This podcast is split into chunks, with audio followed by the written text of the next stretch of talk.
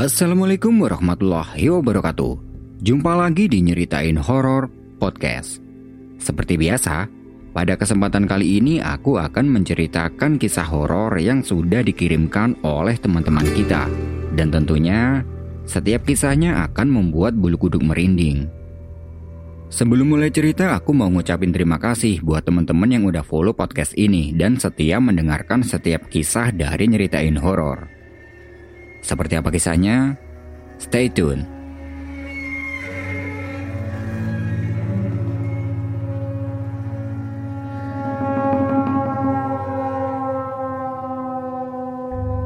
Awal cerita, waktu itu Tino ini lagi pergi ke sebuah kafe yang ada di dekat kotanya. Dan pas udah nyampe di sana, dia ini ngelihat ada orang yang sepertinya dia kenal. Dia lagi duduk sendiri. Sama Tino diperhatikan. Ini kayak si Rama nih.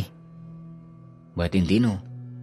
Rama adalah teman SMA-nya Tino dan dulu mereka berdua ini suka iseng-iseng daki berdua. Setelah yakin kalau itu adalah Rama, dia langsung nyamperin. Bro, Rama ya? Wah, Tino, apa kabar lu? Anjir, lama banget gak ketemu. Tino langsung pesan minuman nih. Terus dia ini duduk satu meja sama Rama. Di situ mereka ngobrol panjang banget karena memang mereka berdua ini udah lama banget gak ketemu. Dua tahun lamanya Rama pergi ke Jakarta untuk kuliah. Nah, di tengah-tengah asiknya ngobrol itu, Rama tanya ke Tino. No, lu masih suka daki nggak? Udah nggak pernah, kagak ada temen buat diajak daki. Lu sendiri gimana? Sama, teman-teman gue di Jakarta kagak ada yang suka aman daki. Nah, di sini mereka merencanakan pendakian. Ya hitung-hitung buat reunian lah setelah dua tahun lamanya mereka ini nggak ketemu. Daki ke mana enaknya? Ke Ciremai aja gimana? Kan deket tuh. Waduh, kalau bisa jangan yang tinggi-tinggi dah. Takutnya gue kagak kuat. Udah santai aja. Kalau nggak kuat ya kita balik turun aja. Nggak perlu dipaksa sampai puncak. Jadi, niat mereka ini cuman pengen reunian aja di alam, gak harus sampai di puncak. Oke lah, deal. Mereka saling tukar nomor kontak, dan untuk kelanjutannya akan dibahas via chatting. Besoknya, Tino menghubungi Rama buat nanyain persiapannya, dan Tino memutuskan untuk berangkat mendakinya ini besok. Di dalam telepon Rama bilang siap dan ngikut aja. Singkat cerita, besoknya si Rama datang ke rumah Tino buat packing peralatan yang udah disewa sama Tino. Setelah selesai packing, mereka langsung cabut menuju ke pos pendakian. Setelah menempuh kurang lebih satu jam perjalanan, sampailah mereka di pos pendakian Gunung Ciremai via Palutungan. Mereka sampai di pos itu sekitar jam 10 pagi. Setelah selesai mengurus perizinan, mereka berdua langsung memulai perjalanan naik. Nah, si Tino ini, tanpa dia ketahui dia ini membawa kodam. Kodam yang dia miliki itu merupakan kodam dari leluhur. Tapi, saat itu Tino ini nggak tahu kalau di dalam dirinya ini ada kodam tersebut.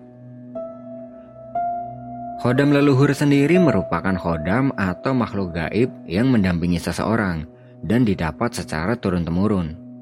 Jadi, khodam leluhur ini yang akan memilih sendiri cucu yang akan diikutinya. Dan orang yang diikuti khodam leluhur merupakan orang pilihan yang terbaik. Orang yang bukan keturunan atau yang keturunan tapi bukan yang dipilih, dia tidak bisa memaksa kodam tersebut untuk mendampinginya. Perjalanan naik dimulai sekitar pukul 11 siang. Di sepanjang perjalanan, semuanya baik-baik aja. Mereka jalan santai banget sambil ngobrolin masa-masa sekolah dulu. Dan kondisi jalur pendakiannya ini cukup sepi. Mereka cuman ketemu sama tiga rombongan pendaki, itu pun pendaki yang udah turun. Singkat cerita, sampailah mereka di pos 6 ketika hari mulai gelap. Di sini mereka berhenti cukup lama buat makan-makan cemilan dan ngerokok-ngerokok dulu. Di sini Rama tanya ke Tino, masih kuat nggak buat lanjut jalan? Masih? Lu sendiri gimana? Kuat lah. Ya udah kalau masih kuat kita tancap aja sampai puncak. Boleh. Camp di mana enaknya? Di pos terakhir aja biar dekat ke puncaknya. Karena masih sama-sama kuat, mereka putuskan buat sampai ke puncak. Setelah dirasa cukup istirahat, perjalanan kembali dilanjutkan. Setelah beberapa meter berjalan meninggalkan pos 6, Tino yang waktu itu berjalan di belakang tiba-tiba merasakan ada sesuatu yang nabrak di dadanya. Gak keras sih, tapi kerasa banget. Buset, apaan tadi ya?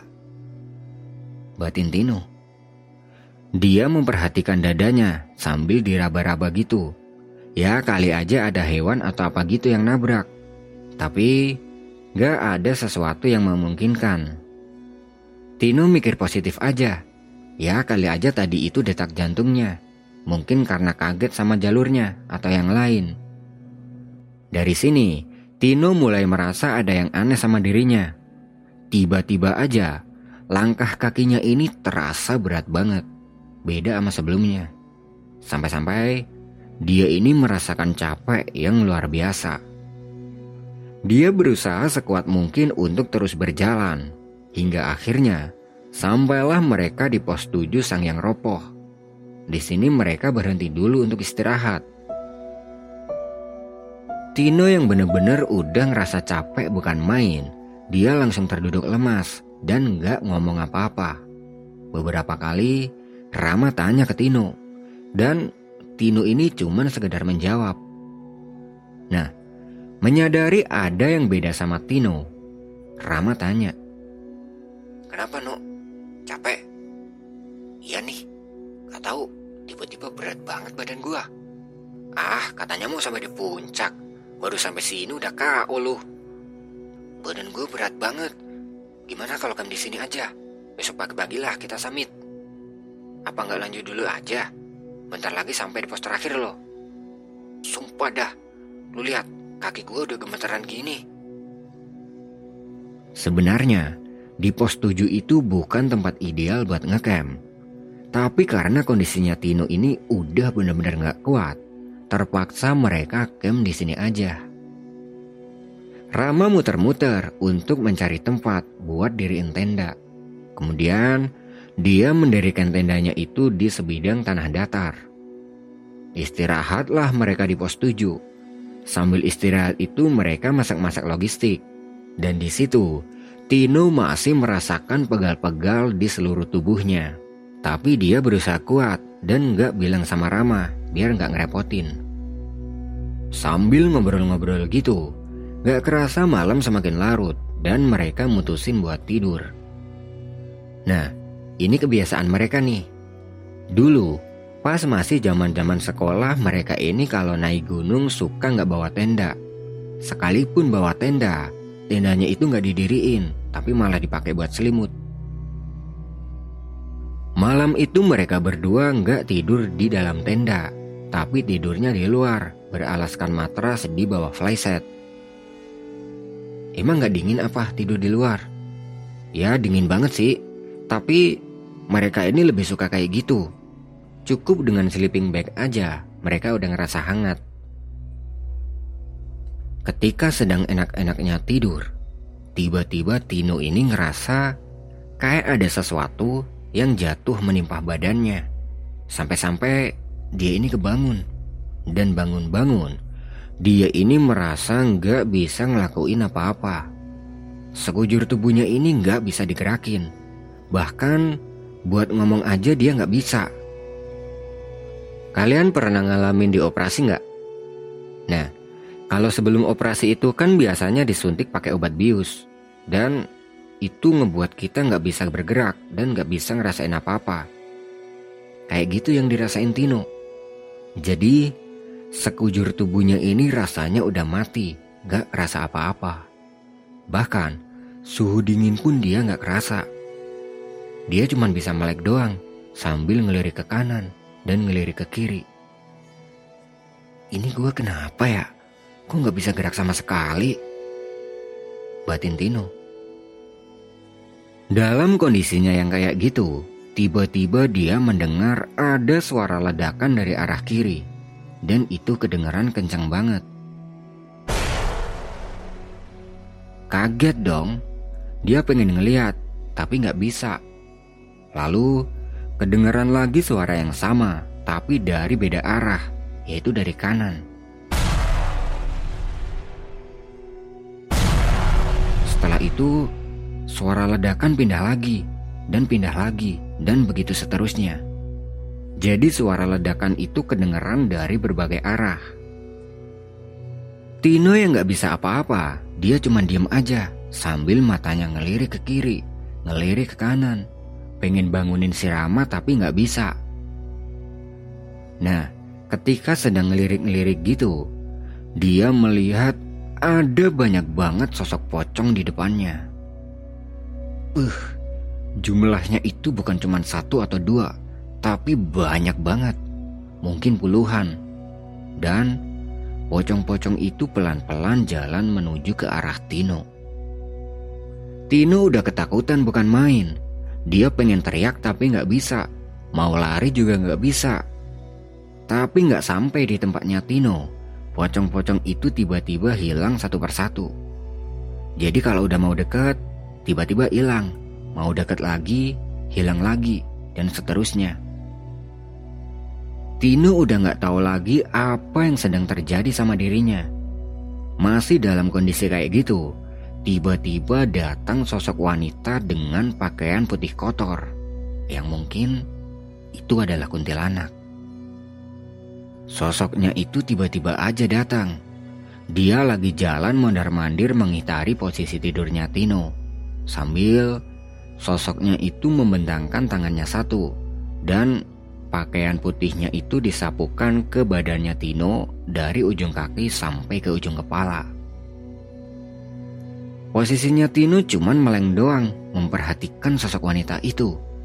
Sesekali dia merem karena takut melihat wajah wanita itu yang mukanya ini penuh dengan nanah dan hancur. Kelihatan juga ada beberapa belatung dari mukanya si wanita itu yang jatuh ke badannya Tino. Uh, pokoknya kalian kalau ngeliat sendiri, gue jamin kalian gak bakal bisa tidur nyenyak. Suara ledakan itu masih sesekali terdengar, begitupun puluhan pocong yang terus-menerus datang dan hilang. Sampai lama-kelamaan, Tino ini udah merasa biasa sama mereka. Yang ada dalam pikirannya Tino ini cuma satu, yaitu mati di sini. Dia udah pasrah sama kejadian ini. Kalaupun wanita ini nantinya akan membawa jiwanya, Tino udah pasrah. Dan semoga jasadnya bisa dibawa pulang oleh Rama. Tino kemudian memejamkan matanya dan mengabaikan semua dengan apa yang sudah terjadi pada dirinya. Hingga lama-kelamaan, dia ini tertidur.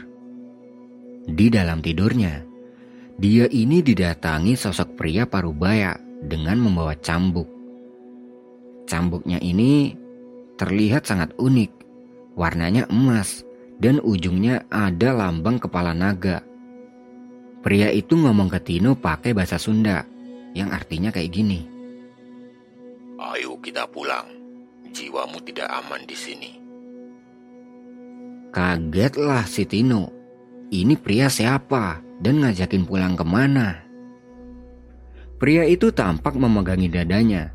Sepertinya dia ini sedang menahan sakit. Tidak berselang lama, datang juga sosok wanita yang sangat cantik.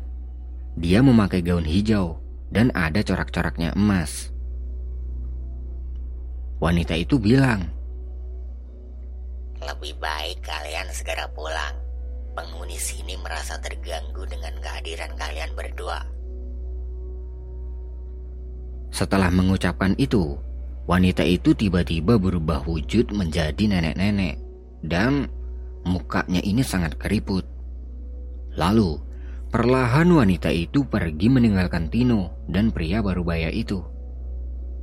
Setelah kepergian wanita itu, Tino langsung terbangun dari tidurnya. Dan kondisi badannya Tino ini udah basah kuyup oleh keringat. Dia sudah bisa merasakan hawa dingin di gunung ini, dan badannya juga bisa digerakkan. Dia langsung duduk dan langsung mencari air minum. Karena bangun-bangun itu tenggorokannya Tino ini terasa sangat kering. Setelah minum beberapa teguk air, dia masih terbayang-bayang kejadian tadi. Sambil memperhatikan keadaan sekitar, dia berpikir, "Aku tadi mimpi apa gimana ya?" Diperhatikan sekelilingnya, sosok wanita yang tadi mondar-mandir dan puluhan pocong itu udah gak ada. Beberapa kali dia mukulin lengan dan kakinya, dan kali ini benar-benar udah kerasa. Terlihat waktu sudah menunjukkan jam 4 subuh. Dia menyalakan kompor untuk membuat kopi sambil menunggu Rama bangun. Ketika sedang sibuk menunggu air yang belum mendidih, sayup-sayup ada suara yang membisikinya. Ayo turun, ayo turun. Mendengar suara itu spontan dia langsung ingat sama pria parubaya tadi panik. Terakhir yang dia ingat dari ucapan pria itu adalah jiwanya Tino ini nggak aman di sini. Dia langsung membangunkan Rama dan mengajaknya segera turun. Rama, bangun Ram. Kita turun aja yuk. Loh, kenapa turun? Puncaknya udah deket loh. Apa nggak ke puncak dulu aja? Enggak Ram, badanku drop. Takutnya kalau maksain ke puncak malah tumbang ntar. Karena memang niat mereka ini nggak sampai di puncak, Rama setuju aja.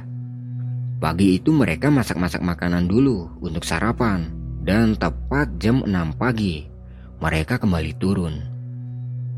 Di perjalanan turun itu badannya Tino rasanya gemetaran hebat. Keringat dingin gak ada henti-hentinya keluar dari badannya. No, muka lu pucat banget. Lu sakit? Tanya Rama yang menyadari ada yang lain dari Tino. Iya Ram, makanya gue ngajakin turun aja. Jawab Tino. Di perjalanan turun itu, sesekali Tino dengar ada suara ledakan dari dalam hutan.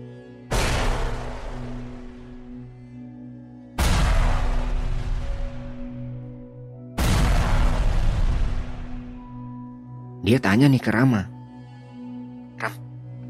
suara ledakan nggak? Enggak tuh. Suara ledakan gimana? Ya udah kalau gitu, lupain aja. Mereka terus berjalan pelan-pelan hingga akhirnya sampailah mereka di pos 3. Sampai di situ badannya Tino merasakan berat lagi. Dia langsung merebahkan dirinya di atas tanah dan sampai di situ dia sudah tidak ingat apa-apa alias pingsan. Tahu-tahu dia ini sudah berada di base camp pendakian dengan beberapa orang di sebelahnya. No, lu udah sadar? Gue habis pingsan ya? Iya no, untung aja tadi ada abang-abang ini yang bantuin.